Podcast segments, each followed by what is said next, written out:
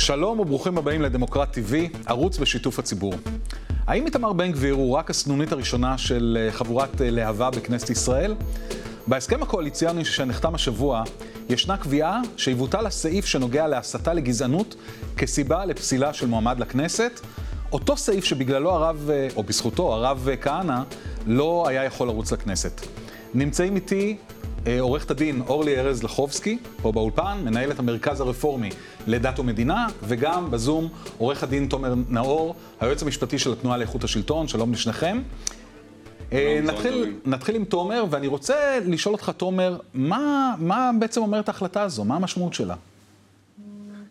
תראה, בגדול אה, הסעיף, סעיף 7א שאנחנו מדברים עליו כסעיף שהוא סוג של אה, חסם, נקרא לזה, של כניסה לכנסת לרשימות או מפלגות או, או גם לחברי כנסת עצמם, ששוללים את קיומה של מדינת ישראל כמדינה יהודית ודמוקרטית כייצוג מאוחר יותר לחוק, נוצר בדיוק באותם ימים, לא, לא סתם אמרת אותם ימים של הרב כהנא, באותם ימים שבה מדינת ישראל הליברלית, הדמוקרטית, מבינה שיש פה כוחות אפלים אה, שמתעוררים אה, מן הקרקע ועשויים בעצם להיכנס אה, לתוך בית המחוקקים שלנו ולעולל אי אלו דברים שאותם אנחנו באמת לא רוצים לדעת. ואחד מהסעיפים שנכנס באותו חוק הוא סעיף שמדבר על שלילת או סליחה על הסתה לגזענות זאת אומרת מי שבעצם הסית לגזענות לא יוכל להיות חבר כנסת בבית המחוקקים שלנו אה, ואנחנו יודעים שבמשך השנים בית המשפט בעצם משתמש בסעיף הזה כדי להרחיק מהכנסת את בנצי גופשטיין, את ברוך מרזל, את אה, מיכאל בן ארי. אה, כשזה מעניין, אגב, להסתכל על דברי הימים של הכנסת ולראות שאחת המפלגות שמקדמת באותם ימים את חקיקת הסעיף הזה היא מפלגת הליכוד. המפלגה הליברלית כמו שאנחנו מכירים. הליכוד של פעם. אה, ואנחנו אה, אה, ממש רואים בימים האחרונים שהדיווחים מספרים על איזושהי חתימה על הסכם או כוונה לחתום על הסכם קואליציוני בין אותו ליכוד לבין מפלגתו של איתמר בן גביר עוצמה יהודית שאמורה לבטל את, אותה, את אותו סעיף, את אותה הסתה לגזענות ובעצם לאפשר, אתה יודע, אפשר לומר בדיוק את מי הוא רוצה להכניס יחד איתו בבחירות הבאות, לאפשר לכל אותם אלו שנפסלו אה, בסבבים קודמים, להיכנס ביחד איתו אה, אל הכנסת, מה שנקרא הוא דואג לחברים שלו, אה, והוא עושה את זה בצורה הכי פשוטה שהוא יכול לעשות. אני רוצה לשאול אותך, עורכת הדין אורלי ארז לחובסקי, אני ככה קראתי לפני השידור על המאבקים שניהלת, ובעצם כשאני משרטט את אה, רשימת המאבקים שניהלת, ואפשר להזכיר חלק מהם, בבית שמש, אה, אה, מאבקים נגד הפרדה באוטובוסים, ובטח תזכירי עוד הרבה מאוד מאבקים אחרים, בעצם הממשלה הזו עם הסעיפים האלה הולכת לפרק הישג אחרי הישג ש... השגת את וכמובן נוספים, באמת בעמל רב. איך, איך את מתייחסת עכשיו לשינוי הזה, גם של הסעיף בחוק וגם של מה שהולך להתרגש עלינו? אז אני אגיד שבאמת אנחנו במרכז הרפורמי לדת ומדינה נלחמים כבר 35 שנה גם למען חופש דת ושוויון לזרמים הליברליים וגם נגד הדרת נשים ונגד גזענות. והנושא של מאבק בגזענות ובהסתה לגזענות באופן ספציפי, במיוחד הסתה שנשענת על מקורות יהודיים, אה, זה אחד המאבקים הכי חשובים שלנו, ואנחנו אה, אגב עסקנו לא רק בהיבט של פסילת מועמדים, אלא גם בדרישה להעמיד לדין פלילי, מי, שמעמיד, מי שמסית לגזענות, מפני שבמדינת ישראל, כשתוקן חוק יסוד הכנסת והוכנס סעיף 7א, תוקן גם חוק העונשין ונקבע שזו עבירה פלילית. זאת אומרת, הסתה לגזענות היא לא במסגרת חופש הביטוי, וכמו שתומר אמר, מי שדחף את התיקונים האלה הייתה מפלגת הליכוד של אז, מפני שההבנה הייתה שיש פה אה, שיח שהוא לא לגיטימי, והשיח הזה צריך להיות גם אה, אה, מדד לעבירה פלילית וגם לא יכול להיכנס לבית המחוקקים.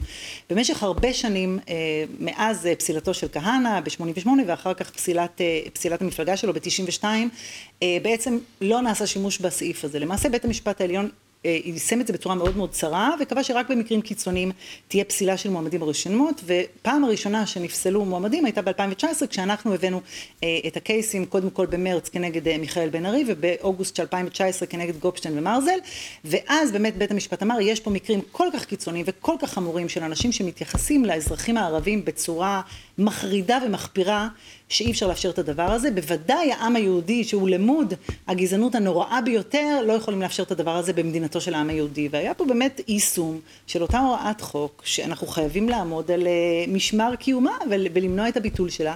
אגב אה, זה מאוד מעניין שבן גביר בא ואמר אני השתניתי והוא אמנם לא נפסל אגב, בית המשפט לא הכשיר את המועמדות שלו, אלא הוא אמר שהוא הגיע קרוב מאוד לקו האדום, שאם הוא היה עובר אותו הוא היה נפסל, אה, והוא אמר שהיו לו התבטאויות חמורות, אבל בן גביר בזמנו אמר השתנתי, אני כבר לא בעד הסתה לגזענות, ואם כך למה הוא רוצה לשנות את החוק ולאפשר לחבריו שנפסלו בדיוק. להיכנס לכנסת, יש פה בוודאי אה, סתירה פנימית, כך שהדבר הזה אסור אה, לאפשר אותו, צריך באמת אני קוראת לראש הממשלה הנכנס שהכניס את הדבר הזה להסכם הקואליציוני לפי הדיווחים, כי אנחנו עוד לא ראינו, לא לאפשר את התיקון של החוק, זה חוק שחייב להישאר בספר החוקים של מדינת ישראל, שמדינה שהיא מדינה יהודית ודמוקרטית, שלא צריכה לאפשר לקולות האלה של הסתה לגזענות להיות אה, חלק מבית המחוקקים.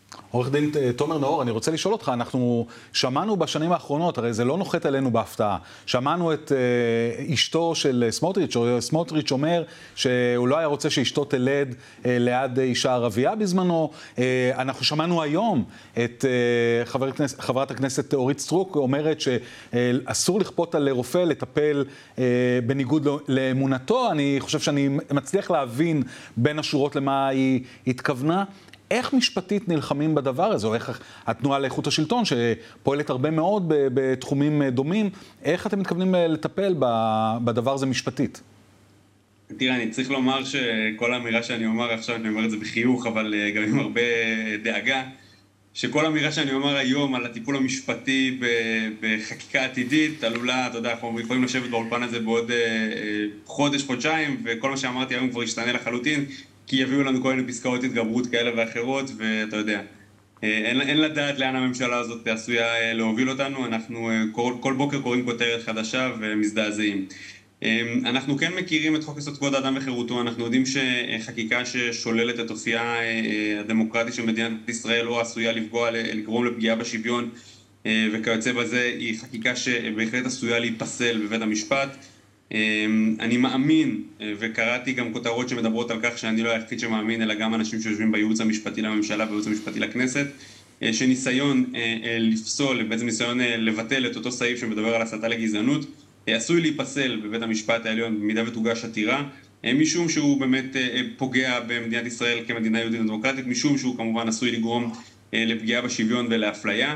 אמ, אני גם אומר, אה, אתה יודע, ושוב, לא מסתירים את זה, כן, אבל יש חקיקה שהיא למעשה חקיקה אה, פרסונלית לחלוטין, אה, משום שברור לנו למה הסעיף הזה מתבטל ואת מי רוצים להכניס באמצעות הביטול שלו. עשויה גם להביא לפסילה פרוצדורלית של החקיקה והדרך שבה היא נעשית. אני כן אומר שאחד הדברים שיותר מטרידים אותי פה זה שמדובר בחוק יסוד, אנחנו קצת שכחנו את זה, אבל חוקי יסוד הם אה, חלק מה... מה בעצם פרקים בחוקה המתהווה שלנו, מנה מתהווה כבר 75 שנה, אבל עדיין אה, אה, פרקים בחוקה המתהווה שלנו, והקלות שבה מדברים, אתה יודע, בוא, בוא נשנה פשוט את חוק היסוד, כי נחתום על זה באיזשהו הסכם קואליציוני, ונחליט שמשנים אותו בלי מחשבה, בלי איזשהו דיון לגבי מה ההשלכות של זה, מה מוביל לעניין הזה.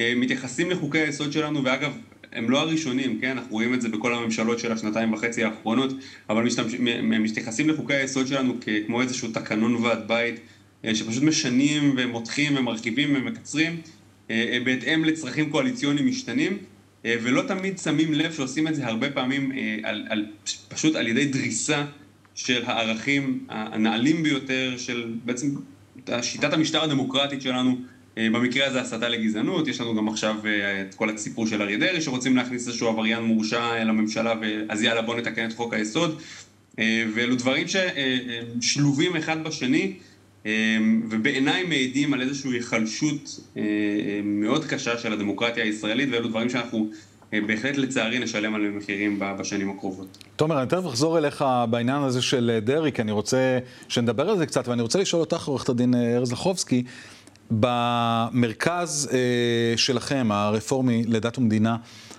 אתם עושים איזשהו אה, תהליך של חשיבה מה הלאה? כלומר, אנחנו עכשיו באמת ניצבים בפני אה, איזשהו שינוי מצב, עם אה, קואליציה שאני חושב שבאמת לא, לא הייתה כמותה, ושכרגע מתנפלת על עיקרי הדברים שאתם נלחמים עליהם. אתם הולכים לשנות במשהו את האסטרטגיה, או שפשוט זה הולך להיות מלחמה משפטית, אה, פרלמנטרית, כדי אה, לנסות לשמור על ה...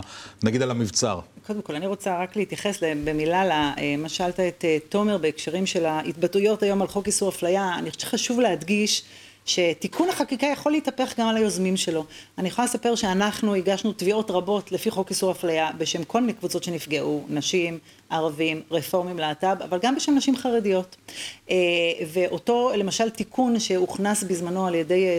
אה, מתוך רצון למנוע אפליה של תושבי יהודה ושומרון, שאוסר אפליה מחמת מקום מגורים, אנחנו עשינו בו שימוש למשל כאשר אישה ערבייה הגיש, הכניסה את האוטו שלה למוסך ולא הסכימו להסיע אותה למקום מגוריה שהיה בכפר קאסם והיא זכתה בתביעה. זאת אומרת צריך להבין שהחוק הזה יכול לעזור לשלל קבוצות ואם מאפשרים, מגדילים את, מאפשרים את החריגים זה יכול לפגוע גם במי שיוזם את החוק כרגע. Okay. אוקיי. אה, ברור שהדבר הזה אה, הוא חמור מאוד ואסור אה, לאפשר אותו. אני אומר שאנחנו כרגע בעצם בונים תוכנית לשנה הבאה, אנחנו לצד צעדים משפטיים שבוודאי נמשיך לעשות בהם שימוש, לנקוט גם בצעדים ציבוריים. צריך, יש ציבור גדול במדינה, מחצית מהציבור מתנגד לצעדים האלה, ואגב, גם בוחרים של הקואליציה הזאת, בוודאי בוחרי הליכוד, חלקם מתנגדים לצעדים האלה ולא תומכים בהם, כך שיש התנגדות מאוד רבה בציבור, ואנחנו מאמינות ומאמינים שלא כל הצעדים האלה יתממשו.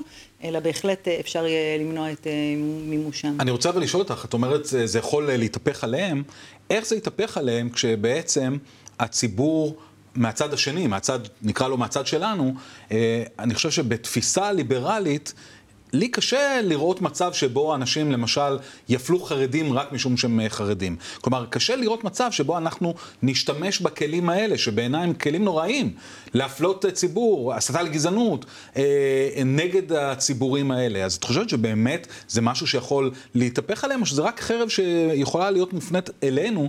ולא לצד השני. תראה, בוודאי שאני חושבת שכל אחד צריך, אה, אסור להפלות, כל צד אסור לו להפלות את הצד ברור. השני, אבל צריך להבין שאם אפליה אה, מצד אחד מותרת, אני לא יודעת, אפליה של אדם על בסיס השקפה פוליטית למשל, אז גם הצד השני יכול אה, להפלות באותה מידה, ואז אה, צריך יהיה להתיר את זה. אני כן רוצה להגיד שיש פה הרבה פעמים הבדל בין העמדות של המנהיגות והעמדות של הציבור. בציבור החרדי זה מאוד בולט, אנחנו ראינו מנהיגות שגם עכשיו בהסכמים הקואליציוניים דוחפת לצעדים מאוד מאוד קיצוניים, והציבור שלהם לא בהכרח איתם. בהקשרים של הדרת נשים זה היה מאוד בולט, הזכרת את המאבק שלנו בהדרת נשים באוטובוסים, קווי המהדרין, הנשים החרדיות התקשרו אליי ואמרו לי אנחנו תומכים בך כי אנחנו לא רוצות את ההפרדה הזאת, יש פה מנהיגים שאגב כולם גברים, שכופים עלינו הציבור את הדבר הזה ויש נשים וגם גברים חרדים וחרדיות שמתנגדים לדבר הזה, כך שיש פה אה, פער מאוד מאוד גדול בין הציבור לבין המנהיגות. ומה יקרה עכשיו בקווים, אה, בקווי המהדרין לדעתך? אז קודם כל קווי המהדרין אה, היום הם אה, לא חוקיים, צריך לראות אה, אה, מה יהיה, אי אפשר לכפות אה, אה, מקום ישיבה של אישה באוטובוס, אה, צריך, אה, אני מאוד מקווה שהחוק לא ישתנה, וכמו שאתה אומר, אמר, גם אם החוק ישתנה, בוודאי חוק איסור אפליה, ניתן יהיה לאתגר את העניין הזה בבג"ץ, בצירוף למחאה ציבורית מאוד משמעותית שחייבת להגיע, כי בסופו של דבר צריך להבין שזה מדובר בזכויות של כולנו. היום זו זכות של קבוצה אחת, מחר זו יכול להיות זכות של קבוצה אחרת, ובטח כאשר משנים את כללי המשחק, כמו הדיבורים על פסקת ההתגברות, זה פוגע בכולם. אין אחד שחסין וששלטון הרוב לא יכול לפגוע בו בסופו של דבר, זה חייבים לזכור. תומר, אני רוצה לשאול אותך לסיום, אה, היום התנועה לאיכות השלטון הגישה בג"ץ אה, בנושא של אה, אריה דרעי, ואני אשמח אם תספר לנו קצת על הבג"ץ הזה. אני אגיד רק למען הגילוי הנאות, שגם אני ככה שוקד על להגיש מחר עוד איזושהי השלמה לבג"ץ הזה, אבל אתה יכול בבקשה לספר על הבג"ץ ומה עומד מאחוריו?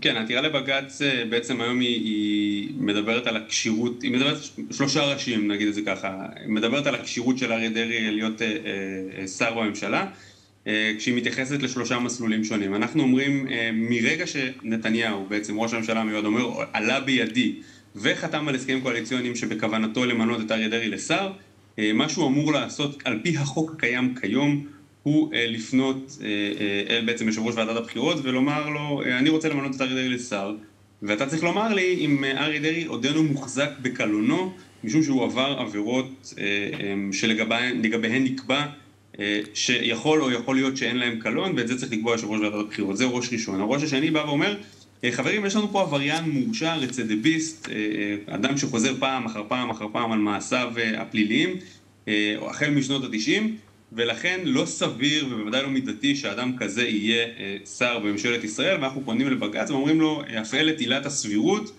אה, ובעצם מה שעשית בעבר, תאמר שאדם כזה לא יכול להיות שר בממשלת ישראל אה, והראש השלישי מתייחס לכל אותה הונאה שעשה אריה דרעי בעצם לבית המשפט השלום כשחתם על הסדר טיעון שהוא מתחייב שלא לשוב לחיים הציבוריים וכבוד הנשיא הרבסט בבית המשפט השלום בירושלים כותב הסירו חשש, הסירו כל דאגה, אריה דרעי לא ישלח עוד ידו אל הקופה הציבורית, ורגע אחרי שאריה דרעי בעצם יוצא החוצה מבית המשפט ומקבל את גזר הדין שלו, הוא אומר, מה פתאום, אני חוזר ו- ובעצם משקר גם לבית המשפט, גם לציבור שלו, גם לפרקליטות המדינה, לתביעה, ואנחנו אומרים לבית המשפט העליון, בעתירה שלנו לבג"ץ, מדובר פה בפסק דין שהושג ברמייה, ולכן עליכם להתערב. שלושת הראשים האלה בעצם מתייחסים לכך שאותו עבריין מורשע מבקש לחזור פעם נוספת להיות שר בממשלה שלנו, שזה משהו חסר תקדים בעולם לדעתי. זאת אומרת, נתקלנו פעם באיזשהו מקרה בהודו שעבריין מורשע חוזר לתפקיד בממשלה, אבל עבריין מורשע פעמיים, לדעתי אנחנו שוברים פה שיא עולמי, ועל כך הוגשה העתירה. אגב, תומר, שאלה לסיום, יש איזשהו הבדל מבחינתך אה, בין העובדה שאמורים למנות את אה, דרעי לשר פנים, מדברים גם אולי לשר בעוד איזשהו משרד, לבין זה שדובר בזמנו על למנות אותו לא פחות ולא יותר לשר האוצר? כלומר, יש פה איזשהו מאבק אחר אם ימנו אותו לשר האוצר, או שמבחינתך זה אותו מאבק ואותם טיעונים משפטתיים? אני חושב שהמאבק הוא אותו מאבק, אני אומר דווקא לדעתי יותר חמור שהוא מתמנה לשר פנים, למרות שהוא כבר היה שר פנים אחרי ההרשעה שלו, אבל זה, נזכיר ש... ההרשעה הפלילית הכבדה ביותר של דרעי היא לקיחת שוחד בהיותו שר פנים. זאת אומרת, עצם העובדה שמדינת ישראל קיבלה את זה שאדון דרעי, העבריין המורשע, חוזר לתפקיד הזה, היא אות הקלון של כולנו, ואני לא רואה שום הבדל בין שר אוצר לשר פנים מהבחינה הזו. אני רוצה מאוד להודות לך, עורכת הדין אורלי ארז לחובסקי, לך, עורך הדין תומר נאור. תודה רבה תודה שהצטרפתם רבה. אלינו. תודה לצופים ולשותפים של דמוקרט TV. הערוץ הזה אפשרי רק בזכותכם ובזכותכן. אנחנו כאן ממשיכים לשמור על הדמוקרטיה, על שלטון החוק, ממשיכים עם המאבק בשחיתות ודואגים לשמוע מגוון של דעות. לוסי תחזור לכאן בהמשך השבוע. תודה ולהתראות.